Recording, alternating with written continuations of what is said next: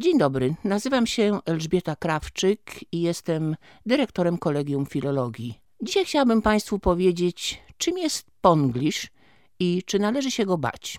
Jak powszechnie wiadomo, język jest żywym tworem, który ulega nieustannym zmianom. Wszelkie procesy społeczne, kulturowe, a także polityczne znajdują swoje potwierdzenie w tym, jak mówimy i piszemy, i dzieje się to samoistnie, bez narzucanych z góry założeń. Jednym z kulturowych przejawów emigracji zarobkowej Polaków jest wykształcenie specyficznego slangu polsko-angielskiego nazwanego ponglish. Owa gwara środowiskowa to spontaniczna reakcja na nowe warunki komunikacyjne, w których przyszło im żyć i jako taka wciąż pozostaje wiedzą praktyczną, bez wnikliwego opracowania teoretycznego. Mimo to można pokusić się o kilka zdań opisujących, czym jest ponglish. Ponglish to nowy twór językowy, który podobnie jak denglish, spanglish czy franglais powstał wskutek globalizacji, migracji i dominacji języka angielskiego w mediach, ekonomii i technologii. Ponglish jest efektem łączenia polskich i angielskich elementów językowych. Mogą to być elementy leksykalne, gramatyczne, fonetyczne czy stylistyczne, a żonglować nimi można w dowolny sposób. Zgodnie z internetowym słownikiem Ponglish.org jest to slang, którym posługują się Polacy mieszkający i pracujący na Wyspach Brytyjskich oraz w innych krajach anglojęzycznych. Słownik ten powstał w 2010 roku, dlatego jego autorzy genezę gwary widzą w obecnym eksodusie zarobkowym. Takie stanowisko nie dziwi, jeśli weźmie się pod uwagę wielkość współczesnej emigracji i występujące wraz z nią różnorakie procesy społeczne. Jednak korzenie ponglisza tkwią znacznie głębiej. Nasza historia tak się układała, że raz na jakiś czas przeżywaliśmy falę wyjazdów za chlebem, zwłaszcza do Stanów Zjednoczonych. I właśnie wśród tamtejszych polonusów powstał tak zwany język polonijny, zwany też chicagowskim, który posiadał cechy współczesnego slangu polsko-angielskiego. Ślady tego zjawiska możemy znaleźć w filmach, książkach, a także w muzyce rozrywkowej. Już pod koniec lat 70. w jednej z części sagi o Kargulach i Pawlakach, Kochaj albo Rzuć, której akcja dzieje się wśród Polonii chicagowskiej, zdarza się słyszeć wyrazy typowe dla tamtejszych Polaków. W literaturze z Pongliszem spotykamy się w Szczuropolakach Redlińskiego. To opowieść o rodakach z Greenpointu, która skrzy się dialogami, które nadają utworowi autentyczności. Na podstawie powieści powstał znany film Szczęśliwego Nowego Jorku, co jeszcze bardziej spopularyzowało omawiane zjawisko. Szczytowym osiągnięciem w użyciu gwary Polaków z USA wydaje się być hip-hopowa twórczość funky Polaka, popularnego muzyka polonijnego, którego krajowa publiczność miała okazję poznać podczas walk bokserskich Tomasza Adamka. Jak wynika z powyższego, z czystym sumieniem można przyjąć, że geneza slangu polsko-angielskiego sięga dużo głębiej niż czasów wyjazdów na wyspy po wstąpieniu do Unii Europejskiej. Nie zmienia to jednak faktu, że nigdy wcześniej Ponglisz nie był tak bogaty jak obecnie. Wynika to z kilku powodów. W bardzo krótkim czasie wyjechało z kraju prawie 2 miliony ludzi. W zdecydowanej większości byli to młodzi Polacy, którym łatwiej przychodziło przyzwyczajenie się do nowych okoliczności, polegające m.in. na przełamywaniu barier komunikacyjnych. Dzięki współczesnym technologiom bez większego problemu można rozpowszechniać i utrwalać nowe zjawiska, w tym także język. To dlatego Ponglish jest popularny nie tylko za granicą, ale także w kraju. Wreszcie Ponglish to także po części efekt codziennego wpływu języka angielskiego na język polski, co zdecydowanie wykracza poza genezę emigracyjną. W dużym skrócie, współczesny slang polsko-angielski polega na kilku prostych mechanizmach. Pierwszy z nich to używanie polskiej gramatyki i spolszczenie angielskiego słownictwa i jest najczęstszą formą. Drugi zakłada dosłowne tłumaczenie angielskich zwrotów na polski – Trzeci polega na używaniu angielskich idiomów w dosłownym tłumaczeniu na polski i odwrotnie. Ze względu na kraj pochodzenia, ponglish można podzielić na amerykański, brytyjski i polski. Przy czym różnice nie zawsze są łatwe do wychwycenia.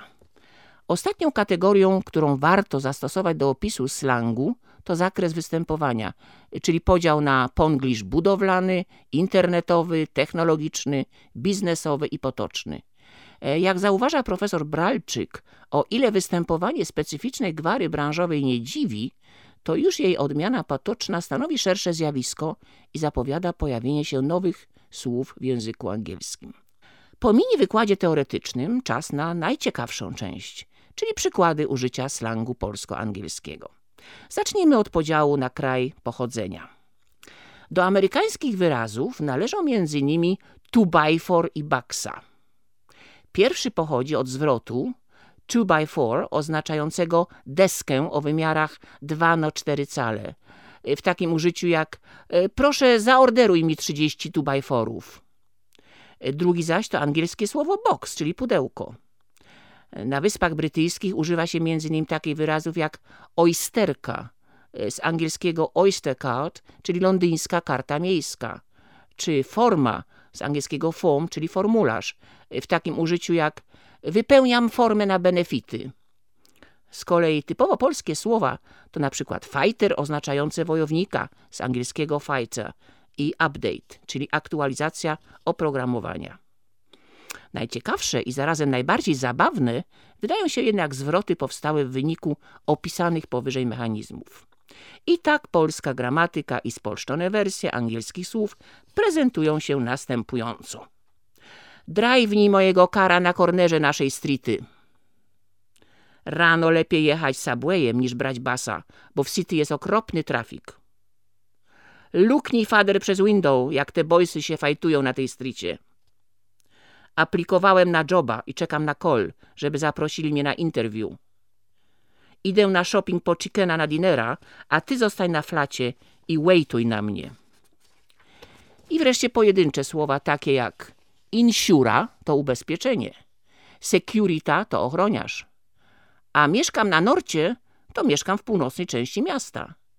Łoszkarnia to myjnia samochodowa. Płacić rentę to jest płacić czynsz. I tusiaj to jedz. Jestem busy, jestem zajęty. I wreszcie tejknę bafa, wezmę kąpiel. Jak widać, inwencja językowa rodaków nie zna granic. A to jeszcze nie wszystko. Ostatnio furorę robią polskie frazeologizmy, tłumaczone dosłownie na angielski. Wywołują one radość rodowitych Brytyjczyków i zapewne po to są stworzone. Oto kilka przykładów. Zwierzę ci się, tłumaczone dosłownie, I will animal you. Coś jest nie tak, tłumaczone jako something is no yes. Pierwsze koty za płoty. First cats behind the fences. Mówić bez ogródek. Talk without little garden. Po jakiego grzyba? For what mushroom? Nie łudź się. Don't boat yourself. Nie rób wiochy. Don't make a village. Pokój z tobą. Room with you. Nie czuję nóg. I don't feel my legs. Dania z kurcząt to Denmark from chicken. Jedzie mi tu czołg? Do I have a tank riding here? Już po ptakach. It's after the birds. Ręce opadają. Hands are dropping. Bez dwóch zdań. Without two sentences. Czuć do kogoś miętę to to feel mint for someone. Rzucić grochę o ścianę to throw peas onto a wall. Nie być w sosie. To be not in the sauce. Chodzić na rzęsach to walk on one's eyelashes. Bądź mądry pisz wiersze. Be wise, write poems. I wreszcie być w proszku, to be in powder. Równie znakomitym poczuciem humoru językowego wykazał się kabaret Czesław, wykonujący sketch The Ponic, polegający na tym, że członkowie grupy śpiewają wielki przebój Stinga w dosłownym tłumaczeniu na polski. I tak on oto brzmi. Każdy oddech ty bierzesz i każdy ruch ty robisz, każde kajdany ty zrywasz, każdy krok ty bierzesz, będę obserwował ciebie. Do klasyki takiego dosłownego tłumaczenia należą też zabawy językowe Stanisława Barańczaka. Chodzi o słynny dialog małżeński rozpoczynający się od słów Honey, I'm home, co poeta przetłumaczył Miodzie, jestem domem. Dalsza część rozmowy przebiega w podobnym tonie i ukazuje, czym kończy się próba dosłownego tłumaczenia nawet najbardziej prostego tekstu. A zatem, czy należy bać się Ponglish? Ponglish jest ciekawym zjawiskiem językowym, które charakteryzuje autentyczność. Wbrew pozorom i obawom purystów, mówienie w języku polsko-angielskim nie jest przejawem chęci psucia języka czy jego udziwniania za wszelką cenę. Oczywiście poza zwrotami mającymi na celu wywołanie efektu komicznego, lecz zaspokaja podstawowe potrzeby komunikacyjne. Po prostu dla większości użytkowników język ma przede wszystkim ułatwić porozumienie.